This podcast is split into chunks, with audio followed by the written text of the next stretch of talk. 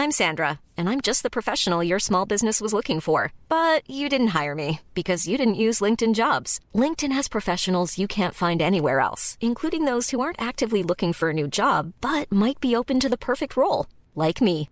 In a given month, over 70% of LinkedIn users don't visit other leading job sites. So if you're not looking on LinkedIn, you'll miss out on great candidates like Sandra. Start hiring professionals like a professional. Post your free job on linkedin.com slash spoken today. There's never been a faster or easier way to start your weight loss journey than with PlushCare.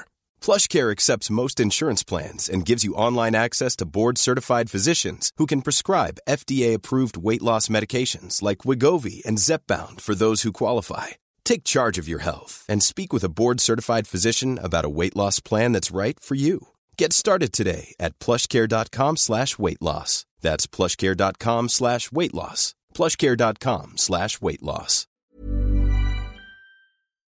Eh, jeg har laga en uh, introlåt som du ikke har hørt ennå. Skal jeg spille nå? Kjør på.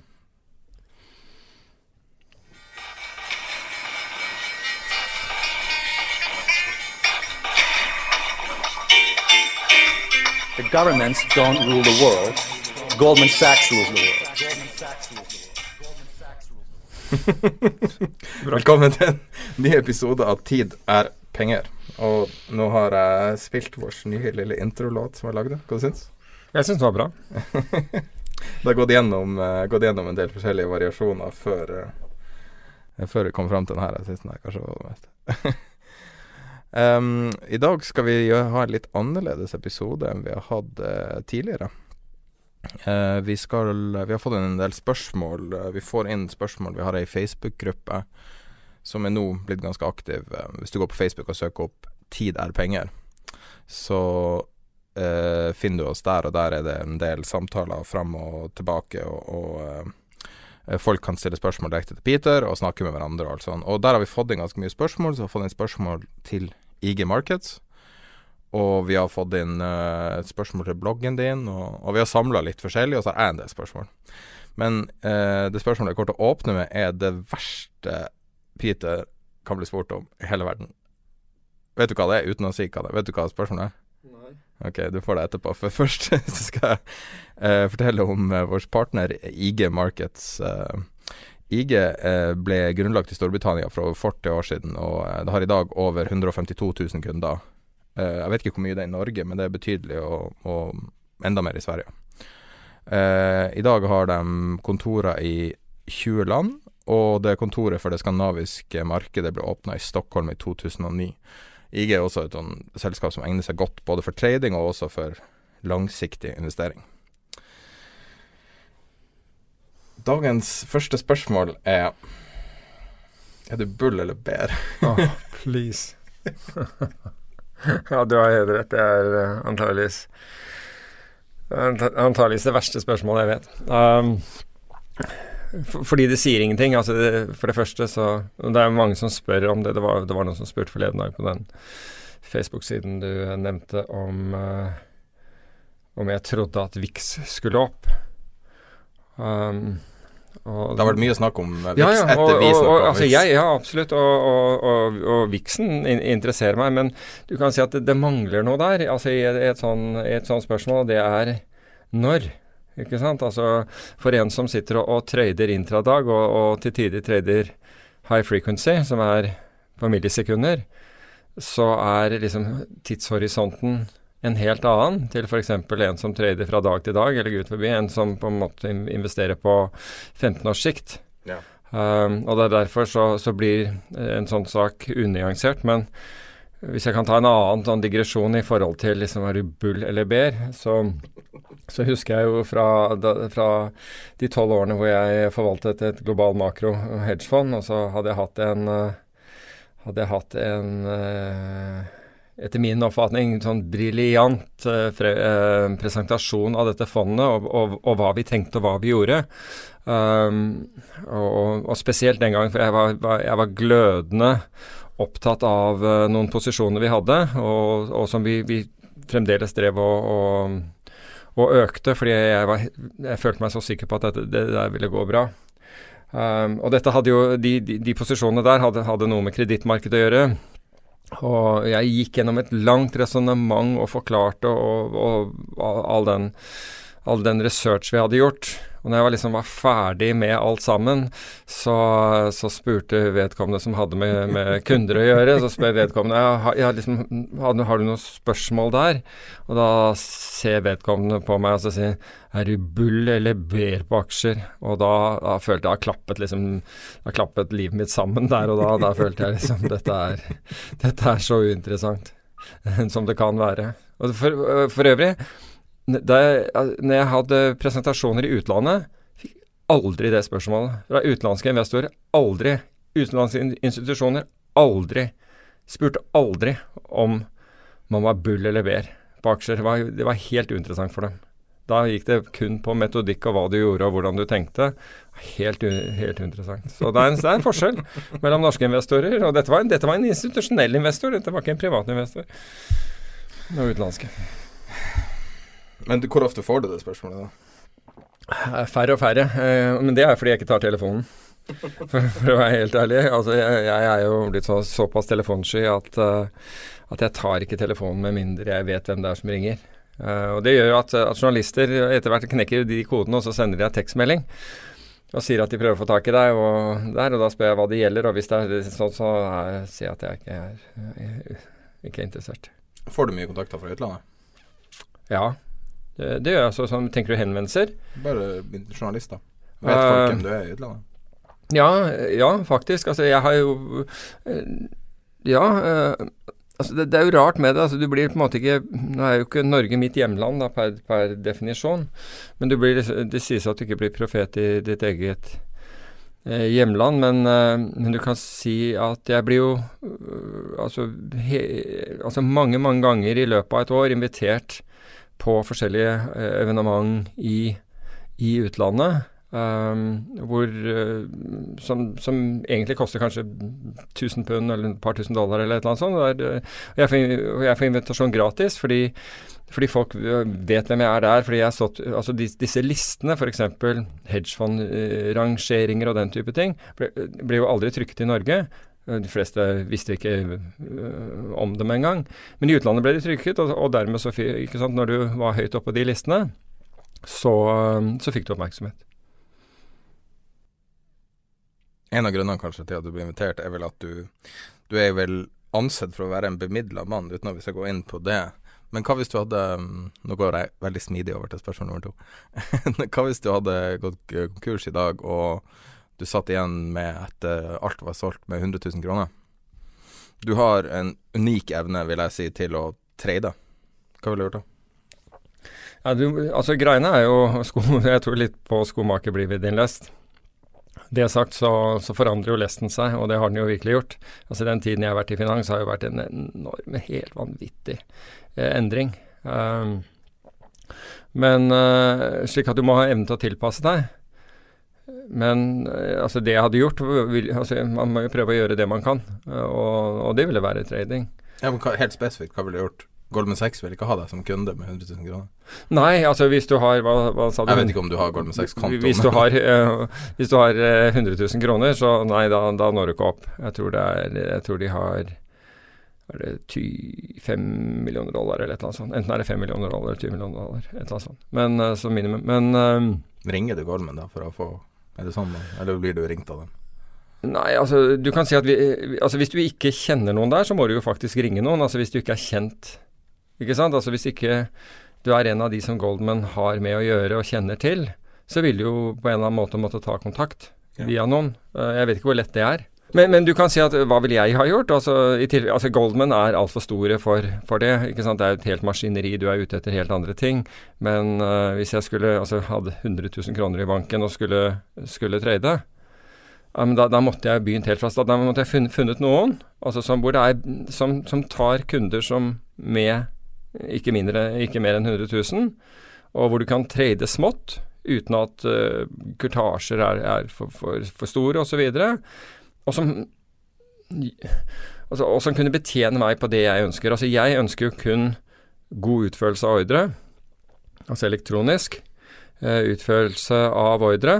Eh, at, at ordrene mine blir behandlet fair. Med andre ord at ikke noen holder de igjen og ser om de kan lure deg på de først. Men vil de gjøre det når du er så liten? Å ja. Eller er det kanskje de, de minste? Kanskje, Ja, mest ja, du kan si at alle blir utnyttet i dag hvis de ikke, hvis de ikke vet som, øh, hvordan ting virker. Jeg sier ikke at alle blir utnyttet av alle, men altså, potensielt så blir du utnyttet, fordi enten så holder man i en ordre, um, eller så, eller så um, og, og det kan være at man bare holder igjen bitte lite grann. Men det er klart at hvis du vet hva kursen faktisk blir i forhold til eh, en ordre, sant, som da ikke er utført, så kan du velge om du altså kan bruke den som en stopplås. Ikke sant? Så, så, så den blir ikke lagt i markedet engang. Men tror du du har klart å leve av trading med 100 000 som egenkapital? Nei, du må jo begynne, ikke sant. Du må jo begynne å Hvis bygge du tar, det opp. ta IG, som eh, jeg presenterte i starten, som er vår partner, der du kan eh, eh, gire opp ganske mye. Ja. Da blir 100 000 til veldig mye mer, Ja, det, altså det kommer jo an på hvor mye risiko du, du er villig til å ta. Altså, Men hadde du klart å generere, la oss si, ett årsverk?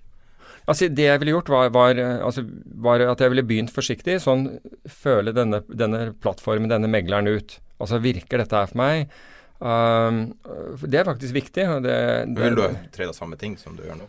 Ja, egentlig så ville jeg gjort det. Fordi i dag så kan du trade Ta for f.eks. valuta, da. Du kan trade valuta med veldig små beløp.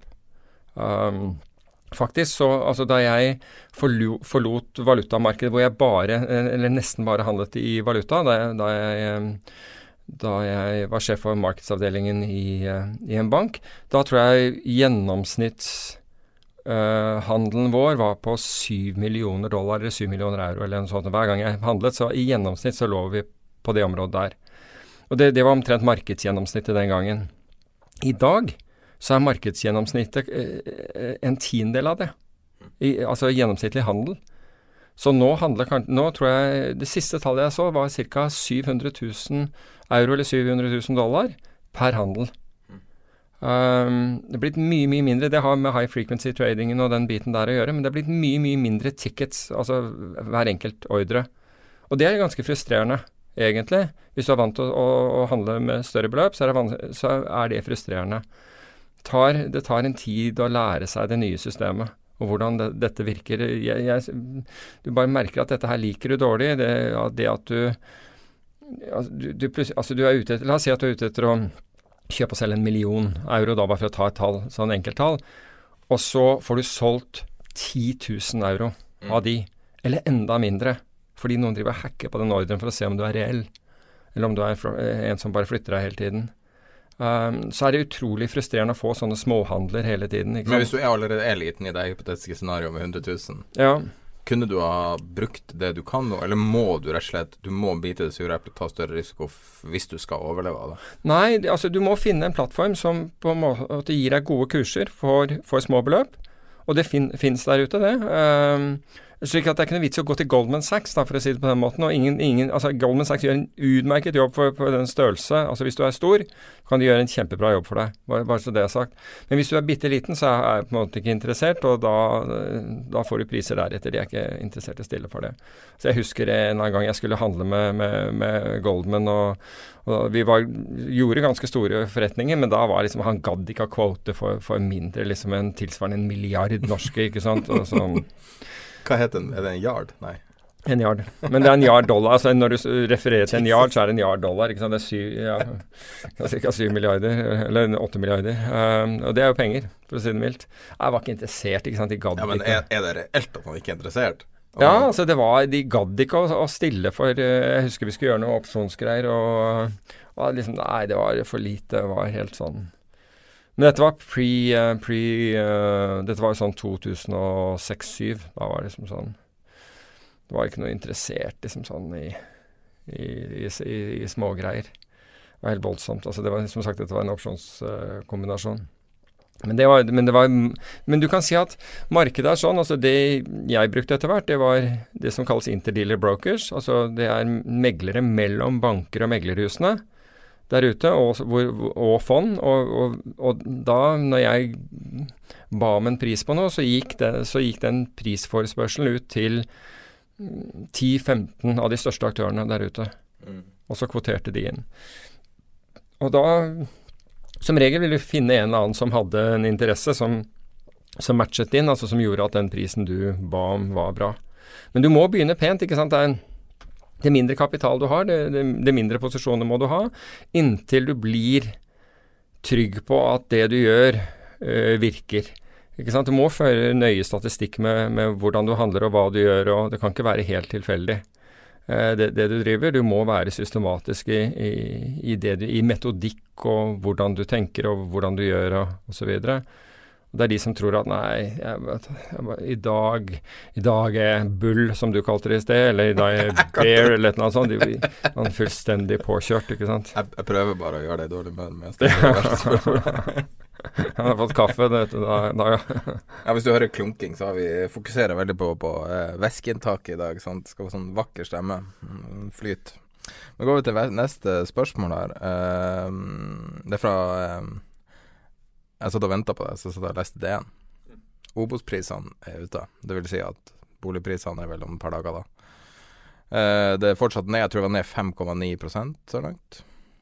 Har du Det her er ikke finans, men det er jo samme mekanismene. Det er psykologi, det er kapital, det, det er et marked som alle andre. Hva du tenker du om den vendinga boligmarkedet i Norge har tatt? Altså, jeg, er ikke, jeg, jeg, er ikke forbauset at, at, du får en korreksjon i et marked som i stor grad er blitt drevet av, av en høy grad av spekulasjon. Ikke, sant? Altså, du, du, ser jo det folk i helt perifere eh, yrker har kjøpt seg masse leiligheter med, med lån fordi penger har vært billige osv. Um, så Det er jo ikke forbausende å se at markedene korrigerer. Det man skal huske på når det gjelder uh, boligmarkedet, og som jeg, altså, jeg, jeg selv uh, led av én gang, men kunne utnytte gang nummer to, det er at boligmarkedet er mye mindre likvid. Altså likviditeten i boligmarkedet den kan fullstendig forsvinne. Og jeg, jeg, jeg eide etter hvert, etter at jeg hadde kjøpt mange leiligheter, en, en bygård på, på, på, Frogner, tvers overfor øh, øh, Frognerparken. Og, og, da, det, det var den tiden hvor renten var rundt 12 altså dette er jo mange år siden. Og, og det, altså selv om det der skulle være et attraktiv del av byen, det kom ingen på visning. Ja. Ingen. Du, du, har sagt den historien til meg før. Jeg, vet, jeg tror kanskje du har sagt den også til podkasten. Men altså, det var den ene. Liksom, hvor, Men du følte det på kroppen? Ja, jeg følte det Ble voldsomt. Ble du skuddredd for livet av det? Ja, ja altså, jeg, jeg, du kan si at Jeg vet ikke om jeg ble skuddredd for altså, Noen vil kalle det skuddredd, jeg vil kalle det realisme, fordi du fikk liksom se hvor inntørket det markedet kan bli. Men så øh, fikk jeg jo et annet tilfelle, og det var, øh, det var senere. Da, da, da var vi kommet til øh, 87, ikke sant, hvor, hvor, du kan Altså et, etter krakket osv. Krakket i 87, og så fikk du en nedgang i boligpriser og alt mulig sånn. Da fikk jeg anledning til å eh, til å, til å kjøpe bolig. Da var, det, da var det rett og slett fordi det var ikke noen som var interessert. Folk var ikke interessert i å bruke millioner på, på, på bolig, og, og i hvert fall når noen trengte penger fort så var det ikke penger tilgjengelig, og bankene brukte tid alt for, eller ikke altfor lang tid, men de brukte den tiden de trengte for å vurdere dette her. Og jeg hadde heldigvis penger. Og dermed så fikk jeg kjøpt en, eh, en, en bolig uh, på, på, et gunstig tidspunkt i, i markedet. Um, så du kan si at det virker begge veier, men hvis du skal operere i, i markeder som potensielt kan bli veldig illikvide, så skal den illikviditeten ha en premie.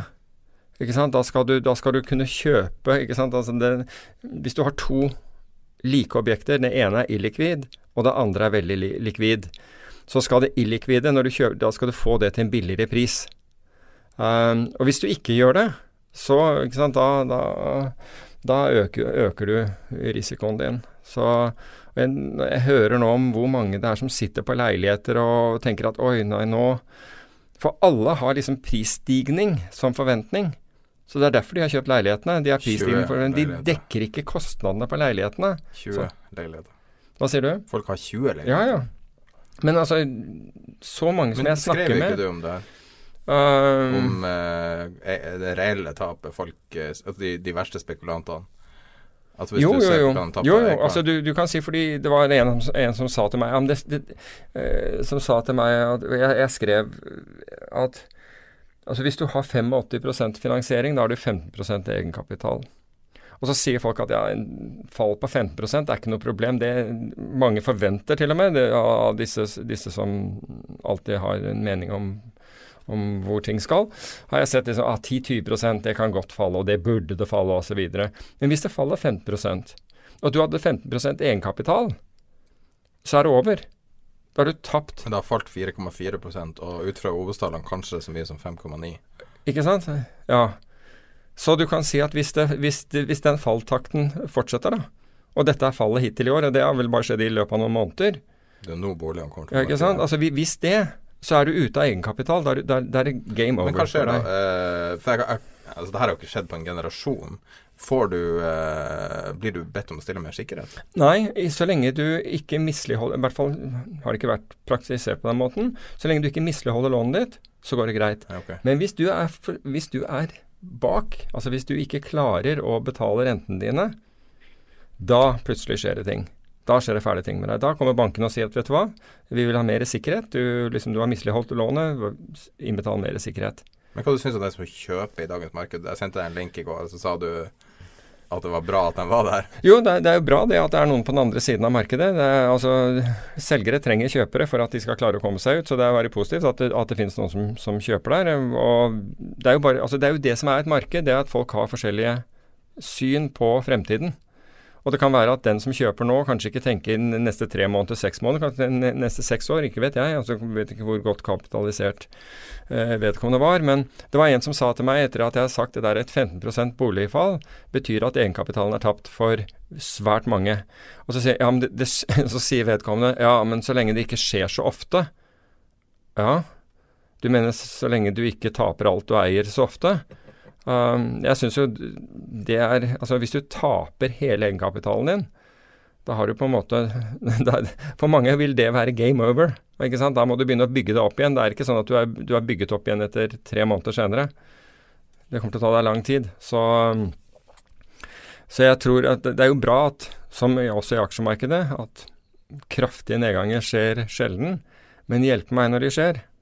Da er det mange som blåses ut. altså. Da er det virkelig mange som som blåses ut av markedet, og som aldri returnerer. Jeg har, jeg har jo også en, hatt en teori når vi har snakka om, om, det her, i forbindelse med tradingmarkedet. For i 99, jeg kan huske så langt tilbake, så var det anslått ca. 100 000 tradere i Norge. Da var det jo det man kalte daytradere, altså folk som satt med tekst-TV og handla aksjer. Um, jeg husker at veldig mange ble blåst ut i 98, for da falt børsen 40% på noen måneder nå, fra mitt perspektiv så er 97, 98, 99 omtrent så cirka det samme. Ja. da gikk jeg på videregående. men ja, men i 98, fordi det husker jeg, for da, da satt jeg i bank, og finan banken finansierte mange av disse her eh, traderne. Hva skjedde med det? Nei, eh, veldig mange ble tvangsholdt ut.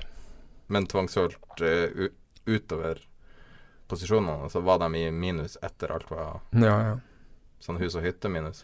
Det var, det var, de som Det var helt klart de som tapte alt, ja. Mm. Absolutt. Og nå har eh, mange bygd seg opp på så, eiendom, ja. og folk De største ble ikke tvangsholdt. Nei, det er jo sånn. Ja. Men uh, det er jo en veldig stor sannsynlighet at sånne type folk vil oppsøke finansmarkeder som har vært ganske sånn døde egentlig de siste årene. At det kanskje begynner å bli attraktivt igjen å oppsøke den risken. Når det ikke er mulig å tjene penger på eiendom plutselig. Ja, altså Problemet i dag er jo at, at altså, etter alle målestokker Det, det, finnes jo ikke noen målestokk der ute som sier at aksjemarkedet er billig. Tvert imot finnes det en hel haug, og ikke minst en Du nevnte Goldman Sachs tidligere, som, satt, som uh, publiserte en rapport rett før helgen som jeg tror ble plukket opp av en hel haug av nyhetskanaler, i hvert fall utenlandske. Jeg tror, ikke, jeg tror ikke de norske brød seg om dem, uh, om den, men uh, hvor Nei, de gjorde ikke det. det men ja, det, ja og, og, og, og, konklusjonen der er at, er at markedet er dyrt. I, etter alle målestokker så er disse markedene dyre.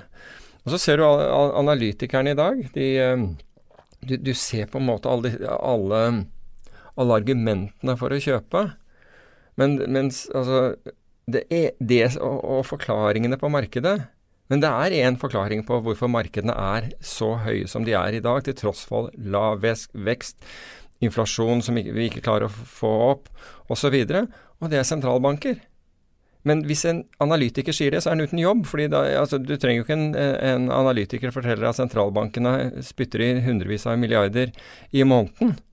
Det, det, kan, det kan, du lese av ja, i hvert fall utenlandspresse. Ja. Mindre opptatt igjen i, i, i den norske. Men, men det, slik at du har ikke lyst til å være uten jobb, så nå sitter jo folk på desker rundt omkring og, og må rett og slett finne på ting for at det skal virke troverdig, for at noen skal kjøpe dette her videre. Greiene er at det er dyrt, men dyrt kan bli dyrere. Og sentralbankene er der fortsatt, selv om uh, et par av dem begynner å si at, at nå begynner de å, å, Eller nå tenker de på å begynne å redusere uh, disse kjøpene. Og, og, ja, og også noen, noen vil jo på et eller annet tidspunkt begynne å reversere. Men japanerne Altså, Den japanske sentralbanken er jo vel 70% av ETF-markedet. De kjøper og kjøper og kjøper aksjer gjennom, ja, gjennom uh, børsnoterte fond. Så det, det, det, er, det, er, et kjør uten like. Ja, det er ekstremt. ikke sant? Da kan jeg hoppe til neste spørsmål, som ikke var neste spørsmål. Fra Facebook-gruppa. Du må også bli medlem av Facebook-gruppa. Det er tid der penger. Søk på Facebook. Eh, hva er fordeler og ulemper med ETF-er og ETN-er? annet enn at japanske sentralbanken eier store deler. Altså en av, uh, en av fordelene med disse er jo at du kan jo si hva det er også. Altså En ETF, er, er, uh, eh, ETF står for Exchange Traded Fund, og ETN står for Exchange Traded Note. Altså Exchange Traded Fund er et børsnotert fond. Og vi har mange typer av disse her. Du har en, et fond som heter GLD, Gold, eh, som kun har gull. De kjøper fysisk gull, det er det det fondet gjør. Slik at hvis du kjøper den ETF-en, så er det det samme som å kjøpe gull. Um, så har du en annen en som kjøper high yield-obligasjoner i, i, i, forhold til en indeks. Og det som er interessant med noen av disse, det er at fondene har fått så mange investorer og så mye interesse at fondet blir nesten dekoblet fra det underliggende. Slik at hvis du ser på high yield-obligasjoner, de er ikke superlikvide, for å si det forsiktig. Det, det, kan være vanskelig å kjøpe og selge disse her, og i hvert fall hvis, hvis uh, markedene er litt uh, turbulente, er det vanskelig å kjøpe og selge. Men det som har skjedd nå, er at fondene er, altså denne ETF-en, det børsnoterte fondet, børsnoterte produktet, er blitt mye mer likvid enn det underliggende marked. Så det er liksom blitt dekoblet fra liksom logikken i det underliggende markedet. Og det kan jo gi muligheter, det også, når du vet at her Altså den, i det øyeblikket Fordi det som skjer, er at hvis Når folk skal ut av dette her, så hvis du da sitter som marketmaker i den ETF-en, og det, de som utsteder dem, er, er, gjerne marketmaker i den Hvem er det som utsteder akkurat den? Ja, det, jeg, jeg, ikke, eh, Barclays har i hvert fall uh, den ene uh, av disse her. Det, det er store utstedere. Du skal være forsiktig med utstederen fordi du har kredittrisiko på, på utstederen, bare så du er klar over det. Men det som skjer der, er at hvis du begynner å selge disse obligasjonene eh, til, eller selge fondet til, til dem, altså den, denne HYG er det en som heter, av disse high yield uh, Jeg vet ikke hva G-en står for, det jeg tenker på. Uh, men i hvert fall hvis du begynner å selge til dem, så er de nødt til å selge underliggende, de underliggende lånene, altså de underliggende obligasjonene, for å kunne hedge risikoen sin, hvis det ikke finnes andre kjøpere i markedet av selve ETF-en. Og da kan det virkelig Altså, vi har hatt tilfeller hvor liksom det har vært sånn småsprekker enkelte dager på dette. Ikke nå, ikke nå nylig, vi har hatt det i, i, i dette fondets løpetid. Så man skal være forsiktig. Dette har bare gått oppover. Du tenker på HIG eller generelt? Ja, HIG. Ja, jeg, jeg husker HIG. Jeg begynte å tracke det for mange år siden. Og det var etter 2011, tror jeg. 1.9.2011 ser det ut som. Du hadde en uh, Var det flash crash? eller du hadde, du hadde et veldig sell-off? Ja, men du hadde en flash crash i en hel haug av ETF-er. men når du ser når du drar ut grafen, så forsvinner jo for så vidt en flash crash. ja, ja. Ja. Men uh, den har jo Jeg tror den var ned Jeg lurer på om HIG-en var ned 0 en halv prosent eller 0,6 i går eller noe sånt. Men, men 88-59 nå. Men, men det, det, som er poenget her, er at du er nødt til å Altså, dette skaper muligheter, så det er mer, et mer likvid produkt. Så har du andre ETF-er, som er f.eks. SMP 500. SPY heter den. Mm. Den har SMP 500 kun de selskapene i SMP 500. Så med ett tastetrykk så kjøper du indeksen, kontra hvis du skulle gått og kjøpt alle aksjene i indeksen. Eller future-kontrakten. Hva er forskjellen, prinsipielle forskjellen på å kjøpe futuren og kjøpe SPY? Altså, futuren, eh, Når du kjøper SPY-en, så, så, mm, kjøper du den som en aksje. Hvis du skal kjøpe futuren, så må du ha en marginkonto. Dvs. Si at du må ha uh, du må stille sikkerhet osv. for deler av beløpet. Future-kontrakten mm, forfaller med tre måneders mellomrom osv., så, videre, så du må rullere. Det er en del sånne, sånne faktorer. Og så følger de hverandre ganske ja, ja, kan, bra? Altså, altså de følger hverandre Nei, ikke 100% men du kan si at du kan glemme å ta at du og jeg klarer å, å kapre forskjellen her, for det er arbitrasjeprogrammer som gjør. Ja. Så de sørger for at disse to beveger seg. Altså hvis den ene går og den, den andre ikke går, så, så shortselger man den som gikk, og kjøper den som, den som står igjen. Automatiske programmer som, som, setter i gang og gjør dette. Hva du syns om uh, i Norge så har jo det her er tilbake til første spørsmål. I Norge så har jo historisk sett Bull og Bear-sertifikatene vært utrolig populære. Jeg vet ikke hvor populære de er nå lenger. Jeg får helt ærlig så følger jeg ikke så mye med på det. Men i gamle dager så var det jo det var jo det folk satt og kjøpte og solgte. Ja, men hvis du utsetter begge, så tjente du mer penger enn noen annen. Ja, Han var det ikke jeg som hadde dem. Ja, men altså hvis du solgte begge, ja. så tjener du penger. Altså det er bare små tilfeller hvor du ikke gjør det pga. rebalanseringsreglene for disse. Ja, ja. ja. Å... For det er girede sertifikater. Så de, de må rebalansere hver, hver, på, på, slutten av hver dag. Er det noen som gjør det? Gjør hva? Selger dem hver dag? Ja, det går ut fra at det er ja, altså, profesjonelle tradere gjør det. Hm. Det er en gratis så, strategi, det.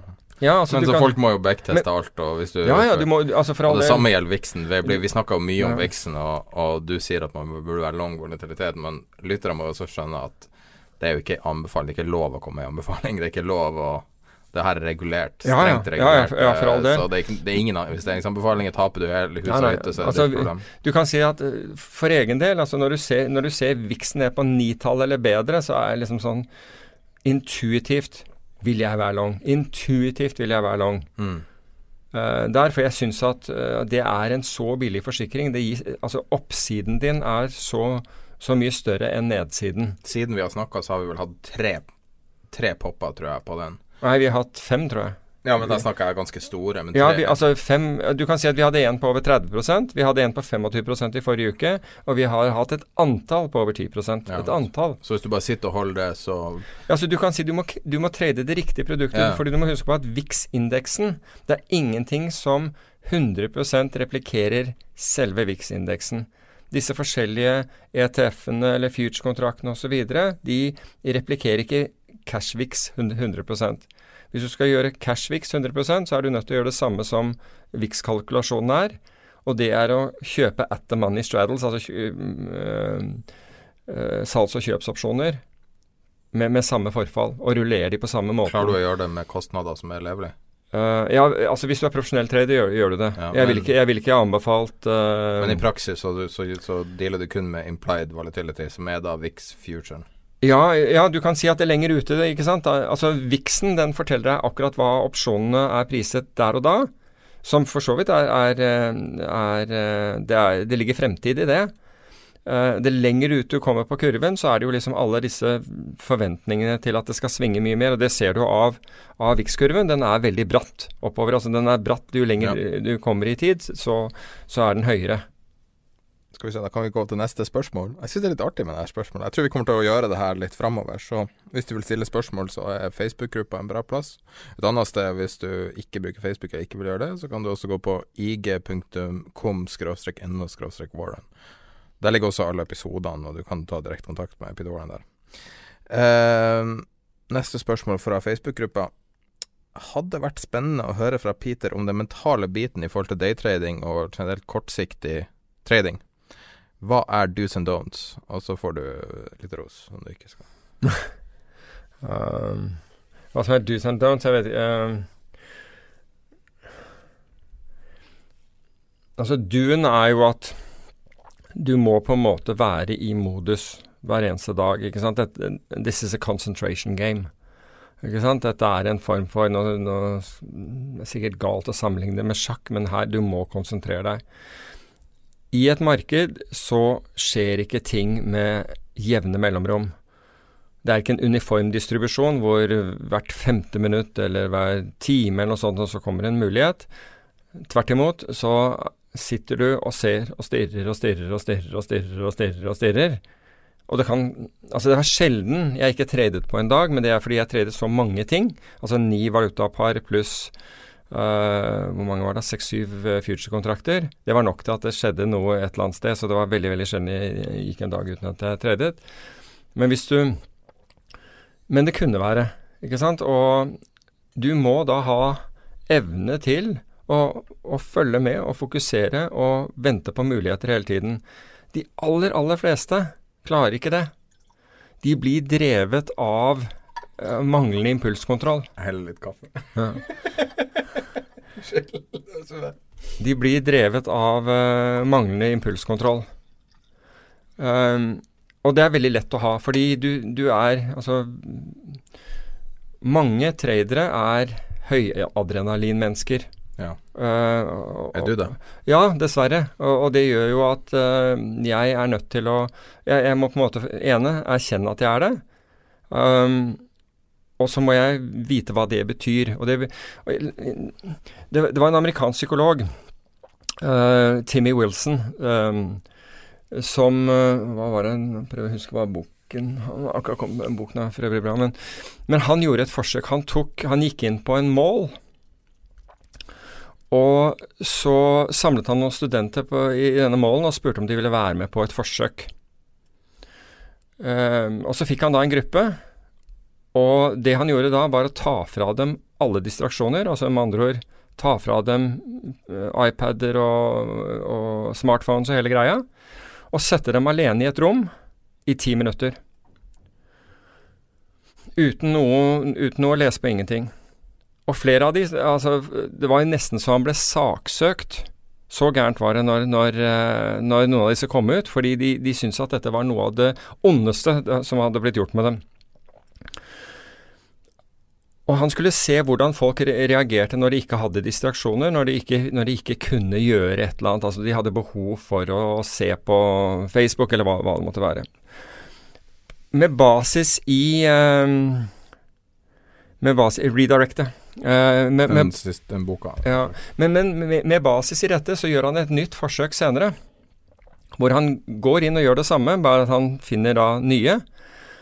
Men Så nå har han igjen ca. 20. Isolerer de i 20 forskjellige rom. Men her gir han dem mulighet til å gi seg selv elektrisk sjokk. Gi seg selv et støt. Ingen sier at du skal gi deg selv et støt, men du har en sånn greie, du kan klemme på den, og da får du et støt. Ok? Og to tredjedeler av gutta gir seg selv elektrisk støt i løpet av, denne, i løpet av en timinuttersperiode. Altså de sitter, de kjeder seg, de klarer Nei, nå gir jeg meg et støt. Og litt under 50 av, av, av jentene. En av gutta gir seg selv 190 støt i løpet av ti minutter. Og det kan, ikke sant? Her, ikke sant? her har du en person som du kan tenke deg skal prøve å sitte rolig i et marked og se etter muligheter. Sannsynligvis ikke. Ikke sant? Ja, så, så du kan si at det første er liksom Består du den testen? Og jeg må kjempe. ikke sant? Noen ganger så, så har jeg et høyere adrenalinbehov enn andre ganger. Og det kan være ting som har skjedd, spiller ingen rolle hva det er, men jeg må komme i modus. Jeg må ned og komme i modus. Så det er den ene tingen. Det er at du må, må kunne tåle det der. Du må kunne tåle å sitte og se, og så skjedde det ikke noe. Og det er klart at hvis du lever av det, og det er enten at du lever av det fordi det er du, du er privat daytrader, eller du trader for noen andre, sånn som jeg har gjort my mye av livet mitt, så har du forventninger. Du har budsjetter og forventninger hele tiden på at du skal, at du skal tjene penger. Og det, er, det holder ikke å si 'jeg fant ikke noen muligheter', jeg. Fordi det forventes at du tjener penger. Så på, det er mange eh, eh, press som du må motstå. Mye du skaper selv i hodet men også ekstern press kan komme på deg. Du må betale regninger, hva som helst. Men du må allikevel Altså, hvis du begynner å, å avvike fra det du, det du skal gjøre, så, så vil du se det negativt i resultatene dine. Så du, du må på en måte det, det er en Det kan være en smertefull sted å, å lære, lære om hvem du egentlig er. Så du må på en måte anerkjenne hvem, hvem du er. Så har du alle mulige sånne ting som distraksjoner. Og der eh, har jeg eh, Altså, jeg hadde jo en periode hvor dratt ut av møter, kom, eh, du ville være ute av møter, eh, f.eks. kundemøter, hvor du satte deg ned med kunder, skulle gjøre en presentasjon, og så hadde du kanskje 20-30 minutter før du hadde et nytt møte, og i mellomtiden skal jeg tjene penger. Så da har du det ene møtet, liksom ting fra det ene møtet i hodet idet du setter deg ned på desken, og så har du kanskje ting Altså så har du fortiden fordi du vet du har et møte, men du skal være i nuet. Og da må du lære deg teknikker for å få deg der, grounded der og da. Jeg kan ta et eksempel som du Jeg snakka med deg forrige uke om akkurat det her. Jeg vet ikke om du øh, vet hva jeg refererer til. Jeg har akkurat fått valp. Tror det, ja. Eh, vi fikk han til å sove under bordet her nå. Og jeg skulle hente han i Danmark. Det var en sånn høy pressituasjon. Og så var han litt større enn jeg hadde venta, og det var litt sånn usikker på om han helt tatt kunne være med i flyet. Og jeg var veldig stressa og ble våken i 40 timer. Så sendte jeg Peter en melding så sa jeg, for at han har, jeg vet han har vært mye våken i sitt liv, og så sa jeg er det noe jeg kan gjøre?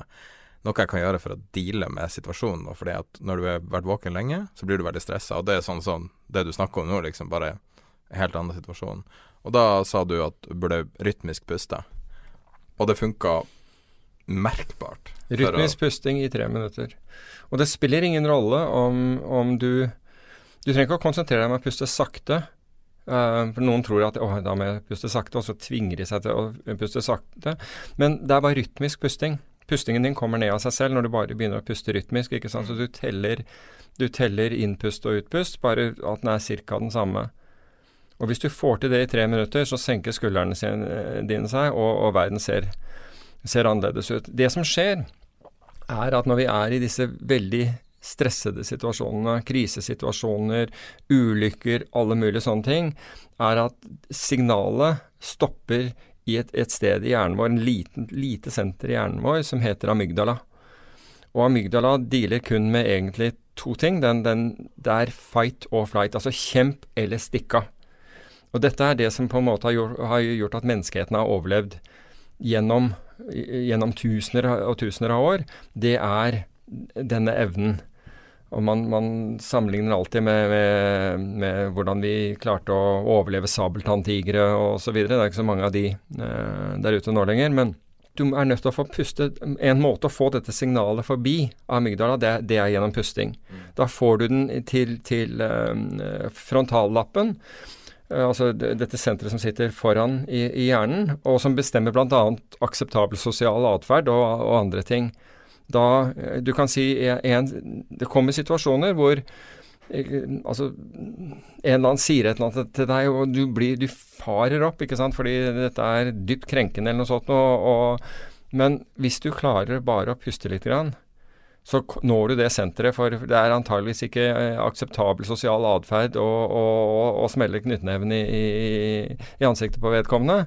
Sikkert en veldig dårlig løsning, men pusting vil da fortelle Altså vil du få signalet frem til det senteret i hjernen din som sier at vet du hva, dette her håndterer jeg på en annen måte. Og så roer ting seg ned. Men du må få det uh, frem dit. Og du kan bruke det i alle mulige sånne uh, akuttsituasjoner. Så pustingen virker. En annen ting som jeg nevnte, og nå, nå, blir, nå snakker vi veldig mye sånn uh, rundt det mentale, men for at du skal kunne forberede deg mentalt altså det er, det, er mange, det er mange faktorer her. La oss si at du er superstresset. Um, du kommer inn sånn som jeg gjorde, da. um, løpende inn. Du, er, du, vet at du har 20 minutter på deg å prøve å, å, å tjene penger hodet er fullt av ting. Kanskje en, en, eller annen har sagt et eller annet som fornærmet deg, eller et eller annet som gjør deg opphisset eller sint, eller et eller annet sånt. Det gjelder å ikke ta det der med inn i markedet. Du har det der i hodet. Du ser tallene foran deg, men du har dette der i hodet.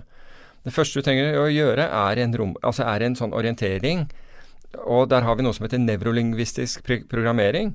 Gjøre en romorientering. Første er hvor er jeg hen? Bare still deg selv spørsmålet 'hvor er jeg?' Og så bruker du øynene, altså bruker disse sansene du har. Begynner med øynene. Du orienterer deg i rommet. Hvor er jeg hen? Ikke sant? Jeg, ok, jeg er i et rom. Jeg er f.eks. For foran dealing-desken. Eh, Hvordan vet jeg det? Jo, for jeg ser skjermene foran meg. Eh, jeg kan se eh, desken. Jeg orienterer meg hvor den er i rommet. Vindu til venstre, dør til høyre osv. Så videre. så, sånne ting. Så går du videre med sansene dine. Hørsel. Hva er det jeg hører? Og i det øyeblikket du, du, du liksom blir stille og hører etter, så vil du merke at du hører ting som, du, som går deg hus forbi ellers. Det kan være noen som snakker i kontoret ved siden av, dempet det. Det kan være en eh, bil som kjører forbi utenfor. Eh, et eller annet. Altså du hører forskjellige ting. Og så bruker du disse, så bruker du, så bruker du luktesans, smakssans, og til slutt det taktile. Ok, jeg sitter. Hvordan vet jeg at jeg sitter? Jo, jeg, jeg kjenner baken mot setet, lårene mot setet, ryggen mot ryggstø osv. Og, og til slutt så er du der du skal være. Og nå har du dratt deg inn i Nå er jeg i hvert fall i rommet. Ikke bare fysisk, men også mentalt. Og nå kan jeg begynne. Nå er jeg til stede. Og dette kan du, dette kan du ja, Jeg har brukt det der når jeg har satt meg ned, gått fra et møte Ta f.eks. hvor du går fra et forhandlingsmøte til et annet. Altså du går frem og tilbake mellom to. Du trenger på en måte å orientere deg imellom at nå er jeg her, og hva du skal gjøre. Og det, og, det, fungerer helt Altså, det fungerer i trening, det fungerer i alt mulig. Bare for liksom å se deg selv ordentlig inn. Jeg kan bruke det når jeg skal ut på ski tidlig, tidlig om morgenen. Ta på meg skiene og så bare kjenne uh, sålen, altså føttene mot, mot, uh, mot uh, skistøvelen, altså mot, mot sålen. Sålen mot, mot skiene, skiene mot underlaget. Bare få deg selv inn der, for det er ikke noe vits i å gå en skitur klokken syv om morgenen innover til kikke ut fra, fra, fra Frognerseteren hvis du ikke skal være til stede. Hvis hodet ditt er et helt annet sted. Du ønsker jo å være til stede hvis dette skal ha et utbytte. Nå tenker jeg ikke bare sånn fysisk treningsutbytte, men et også mentalt utbytte for deg. Så må du ikke være til stede når du gjør dette her. Og disse tingene fungerer. Fungerer helt fantastisk. Altså, det har vært ganger hvor dette har blitt Noen har sagt liksom kjørt dette på meg, og jeg har hatt ingen tro på at dette her skal hjelpe. Ingen tro, men ok, jeg går gjennom disse, disse greiene, disse stadiene, bare for liksom Jeg gidder ikke å argumentere, jeg, jeg, jeg, jeg kan gjøre det. Og så blir du til stede. Og så gjør du en kjempebra økt, Rett og slett fordi du er til stede. Så første er jo på en måte forberedelsene til å trade. Det er liksom Det er første delen. Selve tradingen skal være hva vi kaller effortless den skal gå av seg selv, den, stort sett. For hvis du vet hva du skal gjøre på visse nivåer, så vet du hva du skal gjøre på visse nivåer. Det er bare egentlig å sørge for at du gjør det, det du har sagt du skal gjøre. Og det neste er jo, altså neste viktige, det er når du er ferdig for dagen, og det er analy analyse av det som skjedde den dagen. Gå igjennom det som skjedde. Pre-trade og post-trade. Selve tradingen skal være enkel. Interessant. I en verden full av visvas og bullshit, som det her veldig lett kunne vært, så var det genuint interessant. Men det minner meg også om uh, Har du drevet med fridykking noe? Jeg vet du har jo gjort det selvfølgelig i din gamle karriere. Jeg har fridykket, men jeg har, ikke, altså, jeg har ikke, ikke, gjort det som en idrett. For jeg har gjort det en del. Tatt det sånn halvveis på alvor. Og det du beskriver nå, er nøyaktig det du må gjøre for å ikke drukne. for Hvis du får panikk ett sekund, så drukner du. Det går med en gang. Det ingen, og det kan være på én meters dybde også. Eh, og det, det du, du, prøver bare å sentrere deg sjøl rundt et eller annet. Det er veldig fascinerende at det er akkurat det du beskriver. da Fordi at du må bare bli rolig. Du kan ikke ha puls. Og det er veldig eh, Men det interessante er jo at du snakker jo ingenting om trading. Nei, men du kan si at det Men kan vi ta neste ja, spørsmål, da? Fordi sure. at vi går inn på Jeg prøver liksom å få en flyt i det. Eh, Kobla ikke av samme person, men det er også fra Facebook-gruppa til det du snakka om nå, så var det relevant. Eh, kanskje Peter kan si noe om det psykologiske aspektet ved å være i markedet, har du sagt. Kjøpe på bunn og selge på topp. Hvordan tenke kontrært å finne det gode selskapet å investere i? Nå tar han utgangspunktet i aksjer, da. Men hvis du kan finne riktige ting å trade, og finne riktige nivåer å kjøpe og selge. Altså jeg tror at um, For det første, altså han er inne på dette være kontrær. Og, altså jeg tror at kontrær handler mye om, om, om mennesketype. Jeg tror Altså, hvis du er kontrær som mennesketype, så stiller du mye spørsmål om ting. Du godtar ikke alt mulig som legges foran deg. Altså, det mer du godtar Altså, jeg vil jo si at det mer du godtar, det, det mer er du trendfølger. Det mindre du godtar Altså, du, du, det er ikke det at du, du sier at du tar feil, men du, sjekker det. Du tenker er dette riktig? Og du, du, gjør noe med det, du begynner å se på det, det er den typiske kontrære. Jeg tror en av de viktigste tingene som trader, det er at du trader i forhold til din egen personlighet. Og hvis din personlighet er å være kontrær, vel da skal du antageligvis gjøre det og ikke være trendfølger. Jeg er kontrær av type. Altså, det, det er bare sånn jeg er. Jeg, er, jeg, er, altså jeg, jeg, stiller spørsmål ved alt mulig. Jeg ser på overskrifter og tenker at det her er ikke riktig, og begynner å, å gå inn, inn, i det. Og noen ganger har jeg rett, og andre ganger tar, tar jeg feil. Jeg er kontrær i, i uh, i uh, hva heter martial arts, i kampsport f.eks. Altså jeg er, jeg er mer en, en counterpuncher enn at jeg stuper inn. Altså jeg, jeg, måtte, jeg, måtte, på en måte lære meg den der aggressiviteten for å liksom dra inn i situasjoner, mens jeg mye mer dukker unna og forsøker å finne muligheter. Og, så jeg tror jeg er det som, som person. Så jeg tror hvis du skal være kontrær altså ikke tro at no, altså Det å kjøpe på bunn og selge på topp, det er liksom det er ingen som Det er, det er bare helt tilfeldig når vi gjør. Um, blir alltid glad, men, uh, men, men, alltid er få ganger uansett. Um, men det, det, er at du Altså, du, du, godtar ikke den etablerte oppfatningen av noe. Du sier at dette her er feil. Dette her er gærent, ikke sant. Dette, dette stemmer ikke. Og jeg har inntrykk av at Altså, ta for eksempel selskaper som Sidrill og Norske Skog og, og, og dette her. Altså der, der, har jo folk liksom vært med, vært med, vært med, og så plutselig blir de kontrære, men da er det nesten ikke noe verdt. Da er det liksom, da er det plutselig at nei, nå skal det, nå skal det til null. Ja, Zero Hedge ble grunnlagt i mars 2009, liksom. Det syns jeg er på en måte det perfekte symptomet på at det er lett å være, å være negativ når markedet er på bunn. ja, men du kan si at Ja, og det, og det er alle, ikke sant. Altså, du, du, ser Det er helt ekstremt hvor mange som er negative da. Men det er, det er, ekstremt mange som er positive når det er på topp. Men hvis det ikke hadde vært ah, så mange som var positive, så hadde ikke markedet vært på topp heller. ikke sant? For da hadde du ikke hatt noe til å drive det opp dit. Men det er det at du, du stiller spørsmål ved de der etablerte sannhetene. Når folk sier at ting er billig, er de det? Og i tilfelle hvilken målestokk sier at dette er billig nå? Og så sier jeg det er jo liksom, det er jo ikke pris, uh, uh, altså fortjeneste kontra pris, altså price earning og disse tingene, det er ikke billig. Nei, men det er de fremtidige inntektene. Ja, men er de sanne? Vi vet jo ikke de fremtidige inntektene. Det er jo en prognose. Men da har jeg faktisk en perfekt overgang til neste spørsmål. Ok. I dag er det tirsdag den 1. august. Du kom til meg klokka 14.30 i dag. Jeg har studio her. Vet du hva som var stor økonomisk hendelse klokka 14.20? I dag? Mm. Nei, det skulle komme noe tall 14.30, mener jeg, i dag. 14.20 var det en økonomisk større. Da kom noe som jeg helt ærlig ikke helt skjønner. Da, da var det en avgjørelse knytta til bitcoin som Aha. er gjort. Okay. Bitcoin har steget som ei kule jeg tror en bitcoin på det meste koster 22 000 kroner, eller noe mm. sånt. Og siden du kom hit, siden vi starta, så tok jeg opp et chart bare for å følge deg. Så jeg satt og hadde det i bakgrunnen. Bitcoin er 6,6% de, det har vært en split. Aha, Muligens en revers splitt, jeg er ikke sikker. Jeg tror det var en split. Mm. Uh, så i praksis, de introduserte noe nytt, sånn at, at det blir mye større supply.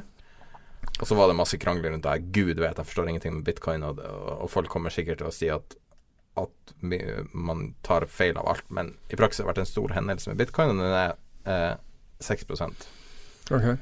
eh, og, og, det er men 5-6 eh, bevegelse i, eh, i, bitcoin, det er liksom ikke Men det er dagen det skjer på, da. Ja. Fordi at folk tenkte enten hva himmels eller ikke. Ja. Og jeg ble oppringt av en kompis av meg som hadde blitt, fått spørsmål fra en annen plutselig nå må du kjøpe bitcoins. Det her er en person som det siste mennesket som du tenker deg bitcoin Jeg vet ikke hvordan han skulle gå fram for å gjøre det engang.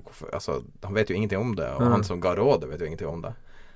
Altså, jeg bare visste noe penger å tjene, penger du ikke vil ha, fordi at mm. Gud vet hva det her er basert på.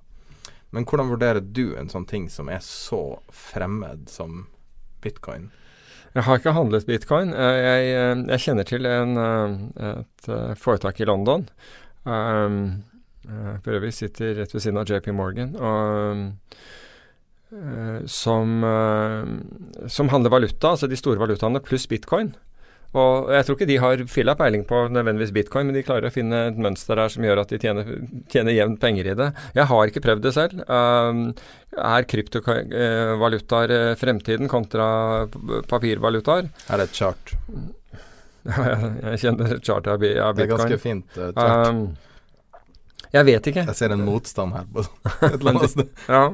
2000-3000 dollar. det ser ut som en sånn kronetopp eller noe sånt. Det, det er sikkert en annen forklaring på dette her også. Men, uh, men, uh, men, det jeg ser, ser, er jo Det var vel en sak Nå var det ikke en kar som ble, ble arrestert i Thailand for en uke eller to, to uker siden som uh, som solgte dop via, via oh, ja, ja, bitcoin og ja. Men det er jo veldig lite handel med det. Det er jo bare spekulasjon, egentlig. Nå var det jo et enormt bankran, bankran i anførselstegn. Jeg tror det var enten var 3 eller 30 millioner dollar eller noe sånt, i bitcoin som ble stjålet. Og det er jo veldig mye sånn mystisk rundt der, men det, altså, til syvende og sist så er det jo Det er jo bare basert på, på ingenting, egentlig.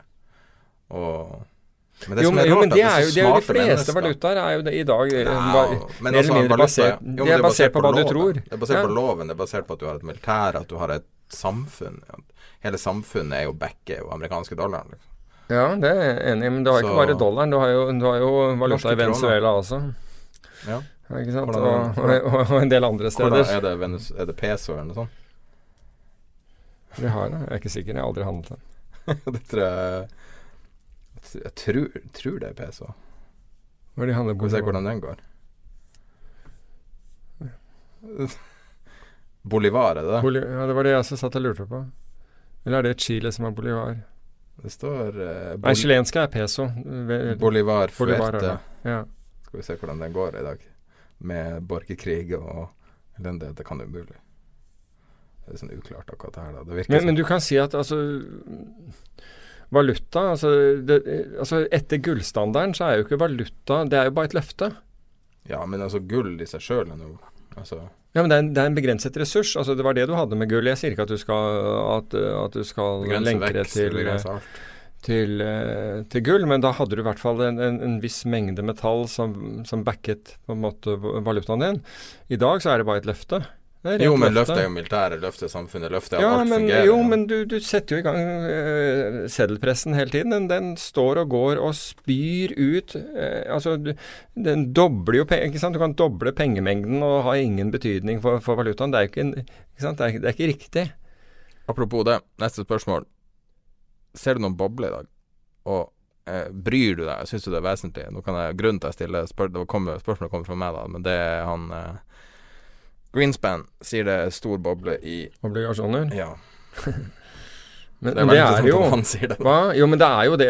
Jo, men altså, Boblene i obligasjoner når, når, vi er villige til å låne bort penger til negativ rente, med andre ord betale for å, for å låne noen pengene våre, ikke sant? det er noe gærent. Det er noe som ikke helt stemmer der ute.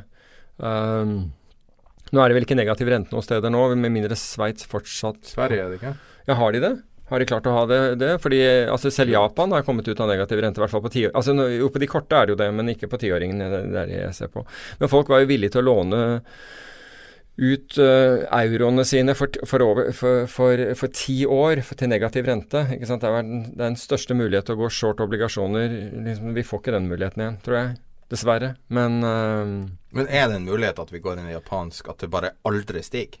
Er det mulig? Nei, jeg tror ikke det.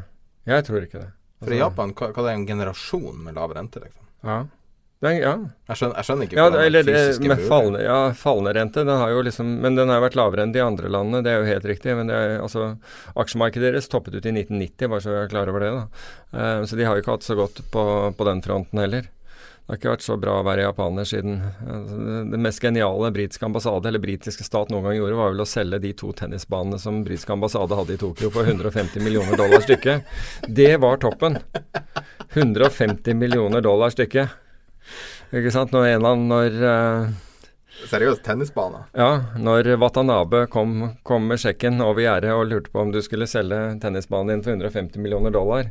Og så er litt sånn, jeg er litt i tvil. Jeg har akkurat kjøpt nye baller. Skulle gjerne Det er litt sånn på. Ja. det er jo nesten men, ja, men det er sant. Og det var, det var, toppen av det markedet, og siden ikke sett.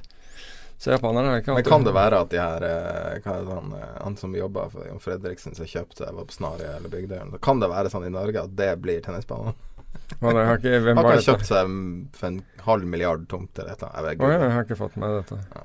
Ja. Sånn. Men Vi, snak, vi snakker ikke sammen der ute. du. Ja, du bor jo der ute. Ja, men Flotte det er, det er ingen, som, ingen som snakker sammen der ute. Nei, det er Eh. saksøk. Er det mye saksøking Ja, ikke, ikke det jeg vet. Jeg vet, jeg vet ikke. Jeg vet ikke. Men ser du Um, boble?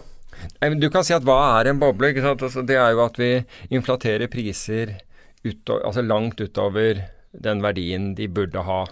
Ikke sant? Og, altså, les den Goldman eh, Sachs-rapporten og se på en del av, av eh, de måltallene som de bruker, så kan du si at aksjemarkedet er like høyt priset som, som tidligere gang- ganger hvor, hvor det har liksom hatt kraftige reaksjoner ned. Betyr det at det skjer nå? Nei, vi, altså, vi, har ikke nok, vi har ikke nok antall tilfeller hvor dette har inntruffet, altså statistisk, til å kunne si at ja, nå, ja, hvis det skjedde da, så skjer, det skjer nå. Det, vi har ikke det. Vi, vi, vi er inne i et område hvor liksom, vi kan være sårbare. Men alle, alle der ute øh, stoler på at sentralbankene skal, skal redde dem. Og Det vil si at alle finansinvestorer stoler på at de, skattebetalerne fortsetter å redde dem. For det er, det er den alminnelige skattebetaler som betaler dette gildet. Finansinvestoren han tar all risikoen på regningen til den alminnelige skattebetaler. Fordi den alminnelige skattebetaler er sentralbanken. Det ikke sant? Sentralbanken eies av, av, staten og eies av folket. Det er det som skjer. Det er helt fantastisk. Altså, Main Street is paying Wall Street. I land etter land etter land. Fantastisk. altså Det er, eh, det er, liksom, det er merkelig at ikke sosialistene har, eh, har eh, kommet på banen her. Altså. Men de har ikke det. I Oslo har de det gjennom De grønne.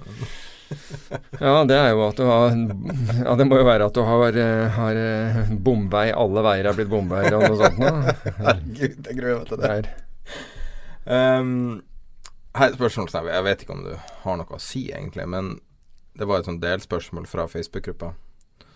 Uh, kan Peter Warren si noe om hvordan han investerer langsiktig, om han gjør det? Har du noen langsiktige investeringer nå personlig?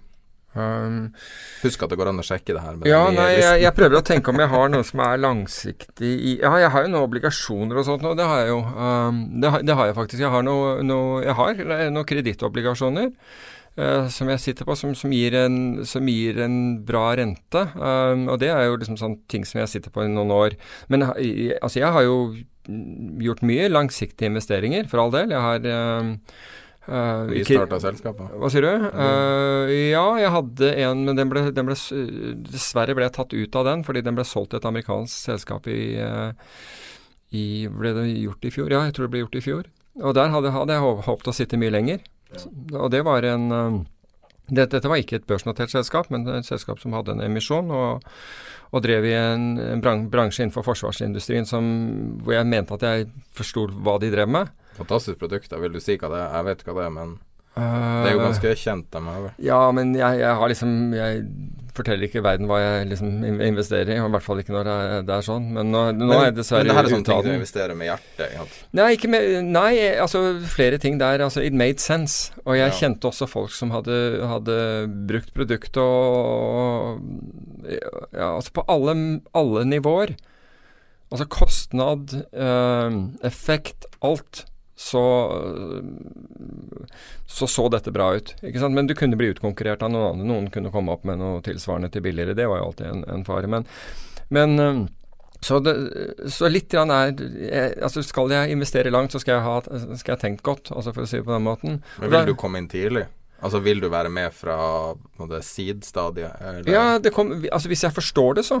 Men det er mange, det er mange som henvender seg til meg med, med ting som jeg rett og slett ikke har evne til å forstå. Altså det er for, altså Enten er det for teknologisk komplekst, eller så, altså jeg klarer ikke å forstå det. Jeg vil forstå det. Jeg må jo forstå hva dette dreier seg om. Får du mange sånne kalde? Ja, en del i måneden, for å si det på den måten. Jeg husker, altså Før jeg stiller spørsmålet Jeg hørte en gang en venture-investor som fikk det her spørsmålet. Kan han si det dummeste tingen han, han har blitt bedt om å investere i. Og Da var det en sånn sak du satt over hvis hunden din hadde bæsja i hagen. Og så, så stakk den masse nåler inn i, og så glei det her ned i jordsmonn. Og så tenkte han bare at det var ikke en sånn dårlig idé, men tenk om å jobbe med en sånn ting i årevis og snakke om det og tenke på det, i stedet for å bare ha sånne svarte poser. Ja. Men har du fått uh, dumme henvendelser som du har lyst til å dele? Nei, ikke noe sånne Altså, du kan si at jeg jeg, altså jeg har fått mange henvendelser som jeg tenker at det der er, jeg, har, jeg har ikke noe tro på det der eh, produktet. Her har man oversett noe. Og da forsøker man liksom å høflig å si at kanskje dere burde tenke på, på det og det. Um, og noen ganger så gjør de det, og noen ganger gjør de det ikke. Men um, Men du har Altså, det deler seg i to leire. Du har den genuine gründer som er virkelig opptatt av det av noe, mener at de har funnet noe og er villig til å gå liksom sånn balls to the wall for å få, uh, få gjennomført ideene sine. Og da mener jeg de er villige til å låne på huset på alt som er for å gjøre det. Og så har du andre som har kommet opp med en idé, men vil helst ha veldig godt betalt bare for å fortelle deg ideen. Og har ikke noen som helst intensjon om å gå videre med dette her eller gjøre noe med det. Det er bare 'jeg har en kjempeidé'.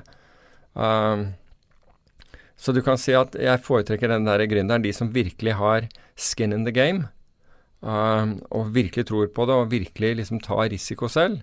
Da er jeg villig til å høre på. Den andre er liksom den Den er jeg ikke interessert i, for å si det på den måten. Ellers langsiktig. Aksjer. Børsnoterte aksjer? Ja, så det er, det er, ikke noe galt i børsnoterte aksjer hvis du liksom ser et selskap som har uh, Altså, jeg, jeg tenker jeg, jeg, tenker jo liksom mer siden jeg, siden jeg, er en, i utgangspunktet da, en makroinvestor, så, så, tenker jeg et tema. vil Det ofte være et tema. Og så fra det temaet tenker jeg just altså jeg tror dette skal skje, eller jeg tror verden er i ferd med å gjøre mot, endre seg mot dette. Og hvis så er, så tenker jeg hvordan kan jeg best posisjonere meg i forhold til det? Hvordan skal jeg utnytte den, den altså For det første, stemmer det? Stemmer det? Altså Stemmer den hypotesen jeg har? Høres det fornuftig ut? Snakke med folk? Som hvordan, eh, er noe i dette her. Men da må du liksom snakke med folk på en måte hvor det ikke er helt opplagt hva, å, hvilke svar du prøver å komme frem til. Ikke fordi jeg prøver å skjule det, altså for dem egentlig, men fordi at jeg vil høre deres, deres oppfatning, og ikke det at de skal på en måte prøve å please meg som virker entusiastisk overfor noe, og sier at liksom ja, har egentlig ikke så tro på det, men han virker så entusiastisk, så liksom ja, vi, gir, vi får det til å virke litt positivt. Men så, så, det ene er liksom å få testet det, og så er det hvordan posisjonerer jeg meg for det. Hvordan skal jeg gjøre det? Og da har du liksom Da, har du, da kunne det være kredittmarkeder, obligasjonsmarkeder, aksjemarkedet, valutamarkedet Det er mange måter, råvaremarkedet for den saks skyld. Altså hvis jeg, hvis jeg, hadde veldig tro på en råvare, så er det ikke sikkert at jeg går gjennom et, et, et gruveselskap. Nei. Ikke sant? Som eh, Du vet hva et gruve, definisjonen på det? Det er et svart høl i bakken og en løgner som vokter inngangen. Det er et gruveselskap, ikke sant? Altså, det er en gruveaksje. det er, jo, men ikke sant? Du må, du må tenke hvordan du, skal, hvordan du skal best utnytte det. Altså hvordan skal jeg best komme frem til det. Men, så det er måten Altså jeg har et sånt der eh, rammeverk, et sånn analytisk rammeverk for hvordan, hvordan jeg vil gå fram. Og så er det andre ting som du Men tenker Kan du gjøre det på din fall? Kan du gjøre det sånn som Peter Thiel gjorde med Facebook, og bare skrive en sjekk etter et møte, liksom. Har du gjort det? Jeg tenker meg Når du er så mye i aviser som du har vært gjennom en karriere Jeg har nok Du må få eh, mange henvendelser. Ja, jeg har nok gjort det på, på veldig, veldig ja, men da skal, da skal, man liksom virkelig ha overbevist meg. Altså, da, jeg, da, da, er det sånn at du virkelig har sett lyset i løpet av den ja. uh, det, Og gjerne også ha Vil du at folk skal henvende seg til deg? Nei, altså jeg, jeg, jeg vi har ganske mange lyttere nå allerede i det her ja, altså, Ønsker jeg å bli nedringt? Nei, jeg gjør jo ikke det, men Så på eh, Facebook-gruppa kan man henvende seg til deg? Med. Ja, altså jeg ikke sant, men det er jo ikke sånn Det er jo greit det, var, det var rart eh, Det var en eh, Apropos podkast nummer seks, der var det noen som hadde hørt det, og som tok kontakt. Uh, der, også, og som ville ha, ha, ha e-mailadressen min. Og, eh, og så ga jeg det til vedkommende, for jeg skjønte ikke hvorfor han ikke kunne komme på den gruppen. Men det var en god grunn til at han ikke ville komme på, på, på gruppen. Men nå skal jeg ikke liksom på en måte avsløre det. For det, men, men, men, det var faktisk og, og, og, vedkommende Men han hadde da hørt dette her, fattet veldig stor interesse. Han hadde på en måte en en, en karriere som gjorde han Som jeg tror kommer til å gjøre han attraktiv i finansmarkedene. Han ønsker liksom en karriere i, i finans. Ja. Han har, men han har, en, han har kunnskap og karriere fra ut, utenfor finans, men som kan bli veldig attraktiv i, i, i, i, uh, i finans. Um, og, og, lurte på hvordan han skulle gå frem, ikke sant? og litt om det. Og, og, og sånt noe er det på en måte hyggelig å kunne hjelpe. Du er jo litt sånn neste år Altså Man inntar jo sånn neste år-rolle du har jo akkurat tatt bursdag og ble 29 år. 39 var det vel. ja, jeg tror det. Men det er jo Det må jo være en positiv følelse? Ja, altså du, du, møter jo Altså du møter jo mye hyggelige mennesker. Um, og så møter du de, de som, uh, som, som, tror at du Som, som er genitrader i eget hode uten egentlig å ha tradet noen gang. Og som lurer på hvor mange millioner de kan få å leke med uten at de skal um, ut, uten, uten, risiko for dem selv. Det er kanskje ikke den, den optimale uh, inngangen til en karriere i finans. Da har vi to spørsmål igjen. Eller tre, da. To fra en. Fra en kunde av IG Markets uh, fikk akkurat tilsendt rett før vi starta. Uh, hvor høy AUM, altså Asset Under Management, eller hvilke andre kriterier må du oppnå for å være profesjonell? Uh, det vet jeg ikke hva som er Hva du mener? Ja, For å være profesjonell Altså, det kommer an på hva mener du med å være profesjonell. Altså Definisjonen er jo å leve av det. Hva sier du? Definisjonen på å være profesjonell er jo at du får lønn nok til at du slipper å jobbe noe annet. Jo, men du kan si at la oss si at du er, eh, at du er forvalter, da. Altså i dag Altså Jeg tror det her er noen som vurderer å leve av trading, skulle jeg tro. Ja, altså, Så de skal ikke håndtere andres penger? Jeg vet ikke. Nei, fordi det er, det er en les... Altså hvis du skal håndtere andres penger, så, må, sant, så er det et så stort apparat som kreves i dag. Altså de regulatoriske kravene er så høye at en av de norske, en av de norske forvalterne det er et hedgefond. Han mente at, at du måtte opp i 500 millioner dollar mm. for å få det der til å gå rundt. Hvis du skal ha altså. Hva sier du? For å gå i null. Ja, for, ja, at det ble en ja, altså, Sikkert med et overskudd, men det var liksom ikke et vanvittig uh, overskudd. Um, for når man snakker om hedgefond, så er jo 1-2 milliarder jo ikke ansett for dollar ansett for å være spesielt stort. Nei. Da er det jo ofte 10 20, 30, ja, ja. 40 for de å begynne å få De store er, er, er, virkelig store. Men i dag så er det jo også sånn at, at hvis du går tilbake hvis du går ti år tilbake igjen, så kunne du ikke komme med, med noen millioner kroner og trade noe no, no sted. Det ville ikke, være, vil ikke være mulig. Men i dag fins det Det fins meglere som altså Vi begynte vel ganske tidlig i denne Eh, samtalen å snakke om 100 000 kroner. Altså Det fins meglere som tar deg med 100 000 kroner, altså hvor du, som er online. Altså online-meglere som har hvor alt gjøres, øh, øh, gjøres med datakraft. altså så Du involverer ikke mennesker osv. Hvor, hvor du, kan, du kan sette opp en konto og trade.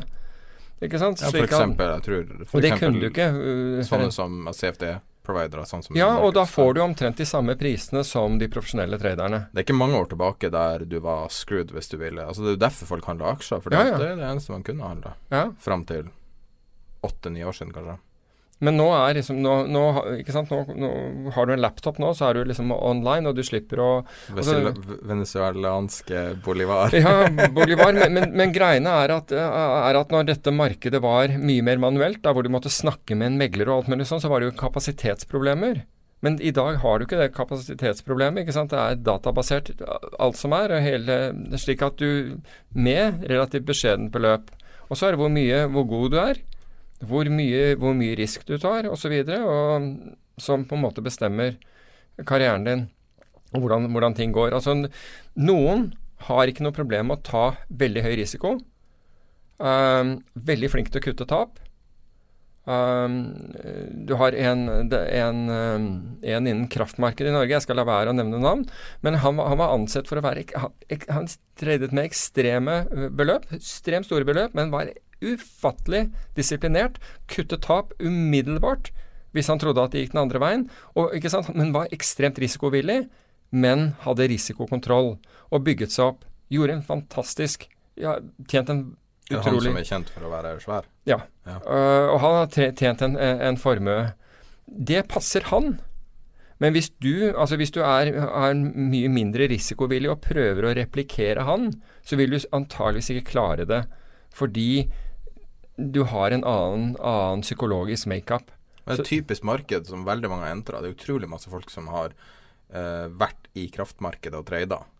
Sivile, vanlige mennesker. Ja. Er ikke trada, bare eid og tapt. Ja. Så eh, Det er et vanskelig marked. ikke sant? Ekstremt vanskelig marked. ingen, men, men, ingen forstår det. Men, men for, for hans del, altså Jeg snakket med, med, med, med, med brokere som sa han var ekstremt flink. Det var En periode var det han pluss en, eh, en kar som tredde ut av London for et amerikansk hedgefond. Det var på en måte De ikke sant? Altså, når de skulle ut, spilte ingen rolle hvilken pris. altså sånn, De prøvde ikke å file på eller noe sånt. Nå, få meg ut nå. Ut. Men er det litt sånn at de kan i et sånt type marked ingen forståelse for hvordan kraftmarkedet fungerer i det hele tatt. Men er det sånn at du kan cornere et marked, sånn som i gamle dager i futuresmarkedet? Eh, Det var en periode Nei, du kunne ikke Eller disse gutta kunne ikke corne markedet, fordi du har, du har eh, altså Nå snakker vi om, om kraftmarkedet. Der har du Statskraft, og du har svenske Vattenfall. Ikke sant? Svære som kan bare skru på krana. Men i mange, mange år så oppførte de seg utrolig pent i forhold til traderne. Faktisk sånn at de, de lot seg utnytte, men de lot seg utnytte fordi de ønsket et fungerende marked der. Så de var de virkelig snille guttene, og lot da folk gjøre ting frem og tilbake i markedet. Noen forsøkte jo da på en måte å gjette hva de ville gjøre den dagen, og gikk foran osv., men de godtok dette. Jeg tror markedet er blitt tøffere nå. Ingenting varer evig. I, i, i, altså Hvis det finnes en snill onkel i et marked, og i dette tilfellet var det to, um, så er ikke noe du, du bør ikke basere liksom hele karrieren din på det. På samme måte som jeg, satt sammen med, aksjeforvaltere som ikke kunne ta en eneste Altså, de kunne ikke foreta en handel hvis de ikke hørte flyten på morgenen. Flyten var innside, altså innside i anførselstegn, innsideinformasjon om andres ordre som de fikk fra meglerhusene. Og selv syntes de de var kjempeflinke tradere, men alt de gjorde, var, var å handle foran store, store ordre. Altså kjent som frontrunning. Også, ja Kjent som frontrunning. Jeg kjenner jeg bare fyrer meg hver gang når du forteller sånne historier. Det er, er så jævlig. Men selv syns de at de var det her er også folk som er på forsida av aviser og diverse sånne ting. Ja, men de er litt Ja, de er, ja de er, de, mange av dem har vært det. Andre spørsmål fra samme kunde, AIG. Det er litt enklere, kanskje. Hvorfor vil enkelte banker ikke handle med hverandre? Ikke handle med hverandre. Du, og, og, altså, vil, vil de ikke handle med hverandre? Nei, du, du kan si at ta i valutamarkedet, så forsøker jo bankene Altså når banker stiller priser øh, i valutamarkedet, så, så kan de gjøre Kan de tagge slik at de ikke får andre banker som som, øh, som motparter. De ønsker ikke De ønsker rett og slett ikke De ønsker å handle med, med uninformed flow. Altså De regner at banker er informed flow. De vet litt hva, hva som foregår. De har så mange sensorer ute at de, Slik at de ønsker ikke å handle med hverandre. Men for, for, for kundens del så er faktisk dette en fordel. Fordi, eh, fordi det du ser er backwardation. Du ser at f.eks. en er selger på 13 og en annen er kjøper på 14. Så markedet er da, er da 14 selger. eh, Unnskyld, 14 kjøper og 13 selger samtidig. Så hvis du er rask nok, så kan du faktisk utnytte det der. Men hvis du systematisk utnytter det, så vil de ikke handle med deg heller. Og da blir du også ekskludert, bare så det er sagt. Har du blitt ekskludert? Ja. Siste spørsmål. Det er et langt, langt, langt spørsmål fra Facebook-gruppa. Kunne vært spennende å fått Peter sine observasjoner og tanker rundt market flow, spesielt i valutamarkedet. Er det mulig å bli rik Eller ikke, spørsmål. Er det mulig å bli rik ved å trade en London breakout-strategi? Parentes, ta traden når den bryter rangen til Asia-børsen. Asia-børsen er ved åpningen i London. London close eh, Ja, det var litt sånn altså. Er det mulig å utnytte svingninger rundt denne tiden? Uh, end of the month flow, spesielt i euro pund. Santa Claus Rally, finnes det spørsmålstegn? Hvilken innvirkning har store opsjoner på valutamarkedet? Det er ganske mange ting jeg spør om, men det er jo på en måte det samme, da. Ja, øh, og, og svaret er at jeg vet ikke, for jeg har ikke testet det. Um, Intuitivt, hva du tror. Um, altså, jeg tror jo at hvis ting er lett å avdekke systematisk, altså med andre hvis vi kan kjøre enkle statistiske tester og se at jøss, se her, hver dag når Asia-rangen brytes, så, så, um, så går markedet videre i, i, samme retning, så vil vi alle hive oss på det der veldig fort. Men altså, jeg, jeg må jo liksom Jeg jo sånn, blir jo litt rød i ansiktet når jeg ikke har testet for dette selv. Um, det, er, det hadde vært veldig morsomt om det var åpenbart. Um, så jeg vet ikke. Men, det, men, du kan si at i dag så finnes det så mange verktøy uh, for analyse at jeg syns vedkommende ta test dem. Ta test disse uh, Uh, disse tingene. En annen ting, altså, Du nevner opsjoner. Ja, der tror jeg det kan være noe. Men for at du skal eh, vite opsjonsflowen Altså, jeg ville sitte og notere meg når jeg hadde åpne linjer til brokere i London, København, New York, Frankfurt og jeg husker ikke hvilke andre steder. Um, så ville jeg sitte og høre på opsjonsdealene som gikk igjennom, fordi jeg ble jo bedt om å kvotere selv også i dette her. og ville høre når det gikk store dealer igjennom, og jeg ville notere meg når disse forfalt, altså hvilken dato disse forfalt, og det er jo klokken fire norsk tid. Um, dette, dette, skjer klokken ti New York-tid, de aller fleste opsjoner, valutaopsjoner. Og da vil jeg ha en kalender hvor jeg så hva som, hva som skjedde. Men da må du ha forstått hva som skjer med markedet, hva som har skjedd med markedet før dette. For hvis denne opsjonen er langt, langt inn i penga, så bytter bare øh, opsjonsforpliktelsen øh, og, og, valutaen Altså da, den som den som er short den opsjonen, eller den som er short, den har da kjøpt valutaen allerede. fordi hvis den er langt inn i pengene, så er det ikke noen grunn til å ikke ha gjort det. Så da skjer det ingenting. Men hvis det ligger rundt en strikepris, så kan det bli. Og da har du noe som heter gravitering. Med andre hvis strikeprisen f.eks. er 1,17 i euro-dollar, og det er kjempesvære opsjoner rundt der, så vil det naturlig nok foregå trading over og under 1,17, som smalner inn båndet frem til klokken fire norsk tid, ti New York-tid igjen.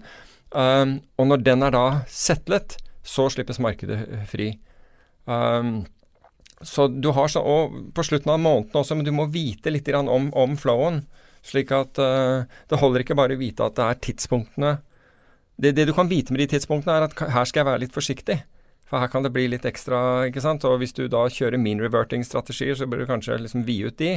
Og kjører du og, og kanskje bakke av på, på en del andre strategier akkurat når det, det, det, skjer. På samme måten som når du har um, Klokken halv tre så har vi ofte tall fra USA. Um, og hvis de er viktige, så vil du antagelig stenge av mean reverting-strategier rett før det.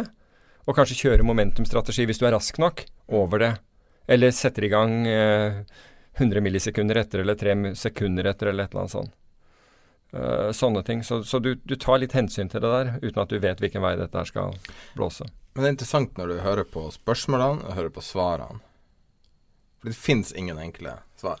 Det er vel Altså, trading er liksom som å si hva er meninga med livet.